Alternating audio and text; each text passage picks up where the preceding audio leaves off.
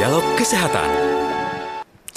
Pendengar kami hadirkan juga dialog layanan kesehatan kerjasama FKUI dan Radio Republik Indonesia. Dan kami mengangkat tema operasi katarak modern. Dan nanti Anda juga bisa bergabung bersama kami ya untuk bisa langsung bertanya bersama narasumber kami. Anda bisa bergabung di 021 352 3172 021 386 2375 021 384 545 atau di 021 386 6712 Tadi kami sudah menyampaikan juga ya bagaimana uh, hasil riset-riset terkini terkait terkait dengan katarak ini, di mana diketahui angka kebutaan mencapai 3% dan katarak ini merupakan penyebab kebutaan tertinggi, nyampai 81% angkanya. Kita akan ulas bersama Dr. Jessica Zarwan SPMK dari Departemen Ilmu Kesehatan Mata yang sudah bersama Pro 3 di pagi hari ini. Dr. Jessica, selamat pagi. Ya, selamat pagi. Baik, Dokter Jessica, kita mengulas soal operasi katarak modern ya. Kenapa disebut operasi ya. katarak modern? Apa bedanya dengan operasi katarak sebelumnya, dokter? Ya, jadi memang uh, operasi katarak mungkin dijelaskan dulu secara garis besar ya. ya. Jadi uh, katarak itu kan sebenarnya suatu kondisi patologis atau suatu kelainan di mana lensa mata manusia yang harusnya dia jernih transparan kemudian berubah menjadi keruh. Nah, karena kekeruhannya ini, maka penglihatan seseorang menjadi terganggu. Biasanya keluhannya berkabut.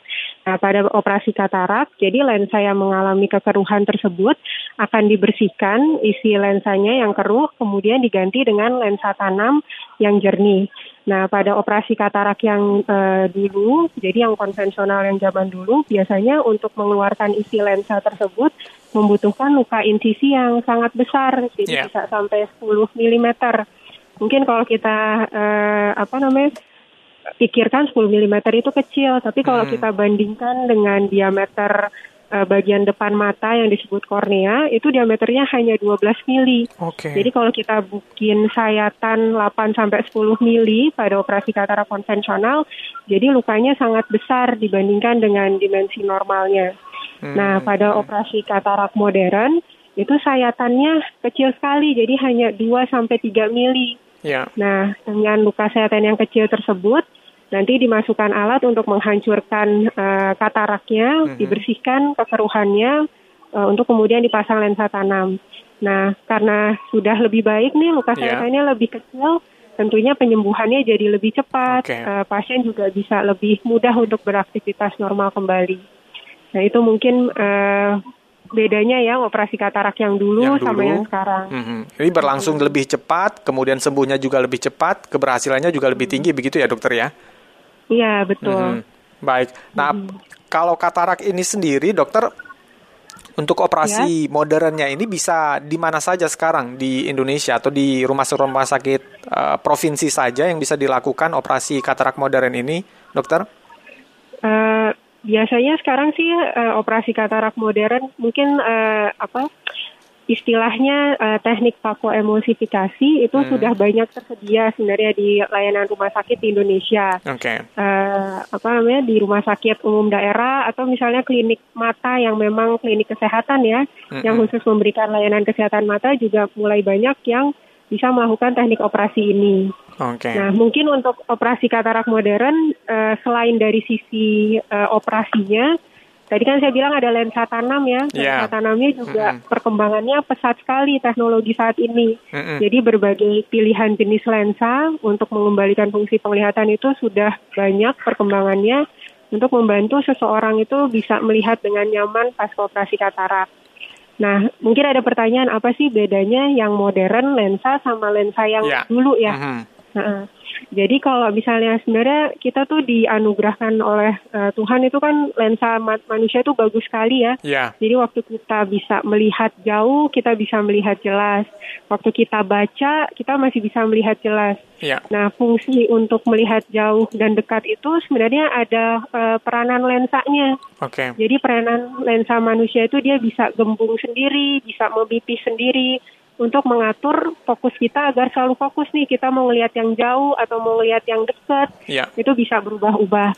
Nah eh, pada saat dioperasi katarak lensanya kan tentu diganti ya dengan hmm. lensa tanam. Nah di zaman eh, awal-awal perkembangannya lensa tanam itu hanya bisa fokus untuk melihat jauh. Oke. Okay. Jadi pasien pasca operasi katarak pasti membutuhkan kacamata untuk melihat dekat. Yeah. Nah, cuma dengan perkembangan teknologi saat ini dikembangkan berbagai jenis lensa yang memungkinkan seseorang itu bisa melihat jauh.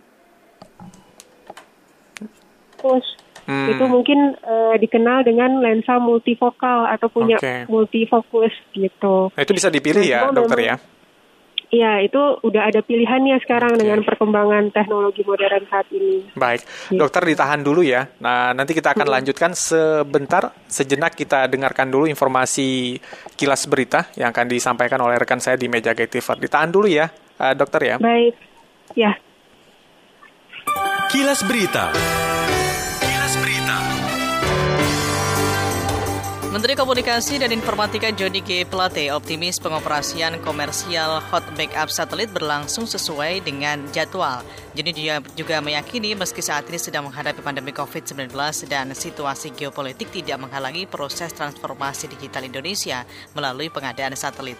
Nantinya satelit ini didukung 18 stasiun bumi di 14 lokasi atau gateway. Gateway utama ada di Cikarang, Jawa Barat. Untuk informasi lengkap pendengar bisa Anda akses di rri.com www.id.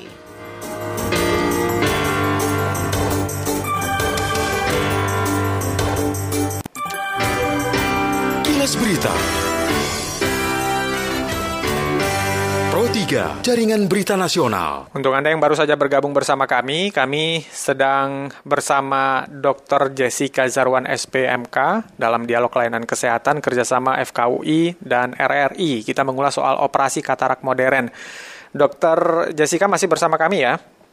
Ya. Baik, ya. dokter kita terima dulu ada dua pendengar yang sudah bergabung. Ada Pak Dedi di Lampung dan juga ada Pak Ramadan di Serpong. Kita ke Lampung dulu ada Pak Dedi. Pak Dedi silakan. Iya Mas. Ya silakan. Pagi Pak Dokter Dedi. Jessica. Selamat pagi Bapak. Ya, ini mau nanya gini dok, kalau orang itu habis operasi katarak itu nggak pakai kacamata dok, itu bahaya nggak dok? Itu satu.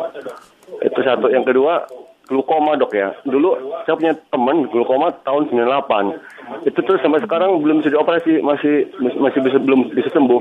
Itu di matanya itu di putih-putih itu banyak duri-duri dok, kayak jagung gitu dok. Hmm. Itu kalau dulu glukoma sekarang bisa berubah nggak? Apa penyakit apa gitu? Apa masih tetap glukoma gitu dok dari tahun 98? Terus itu bisa nggak dok glukoma itu disembuhkan lewat operasi yang baik. baru ini dok? Gitu. Makasih. Baik dok. baik. Makasih Mas Iwan ya. Terima kasih Pak Dedi di Lampung. Apakah glukoma juga bisa disembuhkan dengan operasi sejenis begitu ya? Kita ke Pak ya. Ramadan di Serpong. Pak Ramadan silakan. Halo Mas Iwan, selamat pagi. Selamat pagi. Silakan Pak Ramadan. Dan juga Bu Dokter ahli mata ya, Iya. Dokter mm -hmm. Jessica. Ya, selamat pagi. Ya, selamat ya, pagi. Salam sehat Bu, salam sehat terutama matanya. Ya. Bu Dokter pasti sangat sehat ya, amin. Amin. Ya. Amin, sama-sama. Bu, Bu Dokter yang mau tanya ya, pertama apa, apa sih apa sih penyebab katarak atau pemicunya? Kemudian ya. katarak itu karakteristiknya itu sendiri seperti apa? Lalu apakah katarak dapat terjadi pada kelompok usia berapa sih? Yeah. Dan yang terakhir, terakhir ya, apakah makanan dan dan pola hidup, eh, pola tidur lah yang kurang sehat, yang tidak beraturan ini dapat menyebabkan juga terjadinya katarak atau Baik. cara membaca yang tidak betul gitu, okay. terlalu dekat misalnya atau terlalu jauh. Terima baik, kasih baik. itu Terima aja, kasih Pak Ramadan di Serpong. Terima kasih. Dokter Jessica bisa ditanggapi dulu dari Pak Dedi tadi. Yang pertama soal apakah setelah operasi katarak ini perlu menggunakan kacamata begitu ya. Yang kedua soal glukoma ini apakah sama uh, apa namanya mengatasi masalahnya dengan uh, katarak tadi. Silakan dokter. Oke, mungkin untuk pertanyaan pertama, jadi uh, untuk pasca operasi katarak biasanya memang uh, tadi kan sudah dijelaskan ya kalau yeah. nantinya pasca operasi karena umumnya sih mesa, memang masih menggunakan lensa yang biasa. Mm-hmm. Jadi istilahnya monofokal atau hanya ada satu titik fokus yaitu untuk penglihatan jauh. Tentunya setelah operasi katarak mungkin kan aktivitas nggak semuanya kita melihat jauh ya, pasti yeah. kita membutuhkan aktivitas dekat untuk membaca atau misalnya uh, yang masih bekerja mungkin untuk melihat komputer. Nah, dengan lensa monofokus yang biasanya ditanamkan untuk penglihatan seperti itu menjadi kurang jelas. Jadi okay. memang membutuhkan bantuan uh, kacamata, kacamata pasca, okay. uh, pasca operasi katarak. Nah, uh, kalau misalnya bicara soal pelindung, mungkin uh, misalnya ditanyakan apakah butuh pakai kacamata pelindung pas operasi katarak. Uh, untuk sekarang, apalagi dengan teknik sayatan yang modern, biasanya hmm. sih uh, untuk awal-awal yang harus dihindari yang jangan kena air dulu karena yeah. takut kontaminasi kuman, nggak boleh dikucek-kucek dulu matanya, sama menggunakan obat-obatan sesuai uh, yang dianjurkan gitu. Jadi kalau kacamata pelindung paling kalau memang e, di luar aktivitas sangat berangin ya boleh aja dipakai kacamata pelindung. Tapi kalau untuk di dalam ruangan sekarang sih udah tidak perlu lagi pakai kacamata pelindung seperti itu. Oke, baik. Gitu. Dan untuk Pak Ramadan tadi mungkin e, disampaikan hmm. juga sekilas tentang apa itu katarak, kemudian juga okay. siapa yang berpotensi. Karena yang berpotensi ini saya ketahui dulu kalau misalnya diajarkan begitu ya katarak ini biasanya di atas 50 tahun begitu ya dokter ya. Ya, jadi memang katarak itu kan secara uh, definisinya adalah kekeruhan pada lensa mata manusia. Mm-hmm. Nah, dia sebenarnya bisa menyerang berbagai kelompok umur. Okay. Jadi ada ada jenis katarak tertentu yang memang diderita oleh misalnya mulai dari baru-baru lahir, oh. jadi pada kelompok usia anak, bahkan balita, bayi seperti itu atau pada saat usia uh, apa usia masih produktif mm-hmm. uh, sama yang paling sering adalah pada usia tua jadi di atas 40 50 tahun. Nah, memang mayoritasnya uh, pada kelompok usia tua. Nah, pada kelompok usia tua ini merupakan uh, suatu proses penuaan atau istilahnya mungkin degeneratif.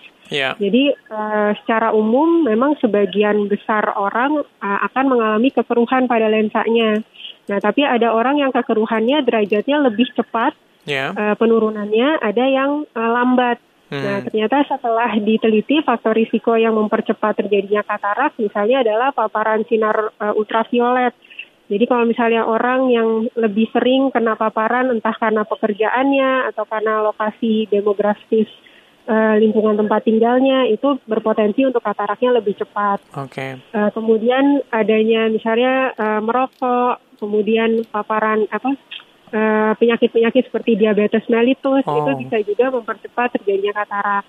Kemudian ada juga dihubungkan dengan penggunaan uh, obat tetes nih. Jadi yeah. mungkin uh, di masyarakat awam sering kali misalnya matanya merah, oh, kemudian beli obat sendiri. Tetes uh, sendiri begitu ya? Mm-hmm. Uh, berobat sendiri ternyata obatnya itu uh, ada kandungan zat tertentu yang nggak boleh okay. dipakai sembarangan. Dan hmm. jika dipakai jangka panjang tanpa pengawasan dokter bisa ya. mengakibatkan yeah. terbentuknya katarak lebih cepat. Oke. Okay. Gitu. Jadi karena karena kan itu biasa kadang-kadang apalagi orang yang sering melakukan perjalanan ya kalau matanya udah mulai merah biasanya langsung aja beli obat tetes di apotik netes ya, aja sendiri secara rutin itu sangat berbahaya ternyata dokter ya itu sangat berbahaya. Jadi uh, bisa buat katarak, bahkan bisa hmm. bikin glaukoma juga. Atau yang kita takutkan juga misalnya kemungkinan jadi infeksi matanya. Oke. Okay. Gitu. Jadi Baik. memang untuk obat-obat tetes baiknya uh, dalam pengawasan dokter. Baik. Tadi walaupun di luar topik, uh, Pak Dedi hmm. di Lampung tadi sempat menyinggung soal glukoma, dokter.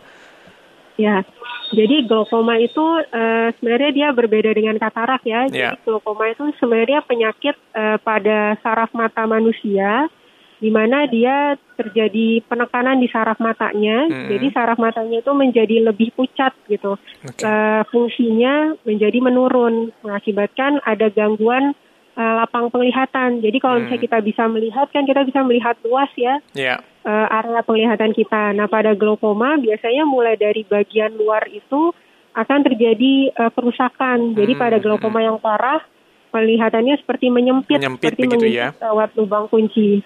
Okay. Nah faktor utama dari glaukoma adalah tekanan bola mata yang meningkat. Jadi kan bentuk bola bentuk mata itu kan berbentuk bola ya. Yeah dia kan punya tekanan. Nah, tekanan itu harusnya dijaga dalam uh, range yang normal.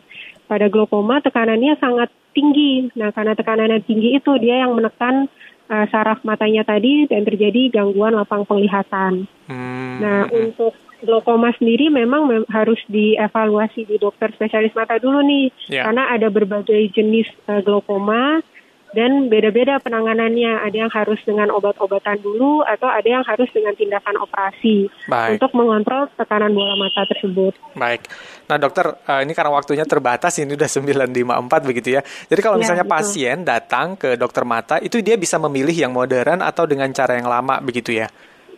Ya betul. Oke. Okay. Jadi biasanya ketika sudah didiagnosis katarak, hmm. nanti akan dijelaskan uh, pilihan terapinya seperti apa dan okay. jika memang dibutuhkan operasi akan dijelaskan nih kualitas penglihatan pasca hmm. operasinya seperti apa, hmm. apa yang pasien inginkan, apakah uh, nyaman berkacamata pasca operasi atau benar-benar ingin menghilangkan kebutuhan okay. kacamatanya. Karena lensanya tadi bisa gitu. dipilih ya dokter ya, kalau dengan teknik ya. modern ya.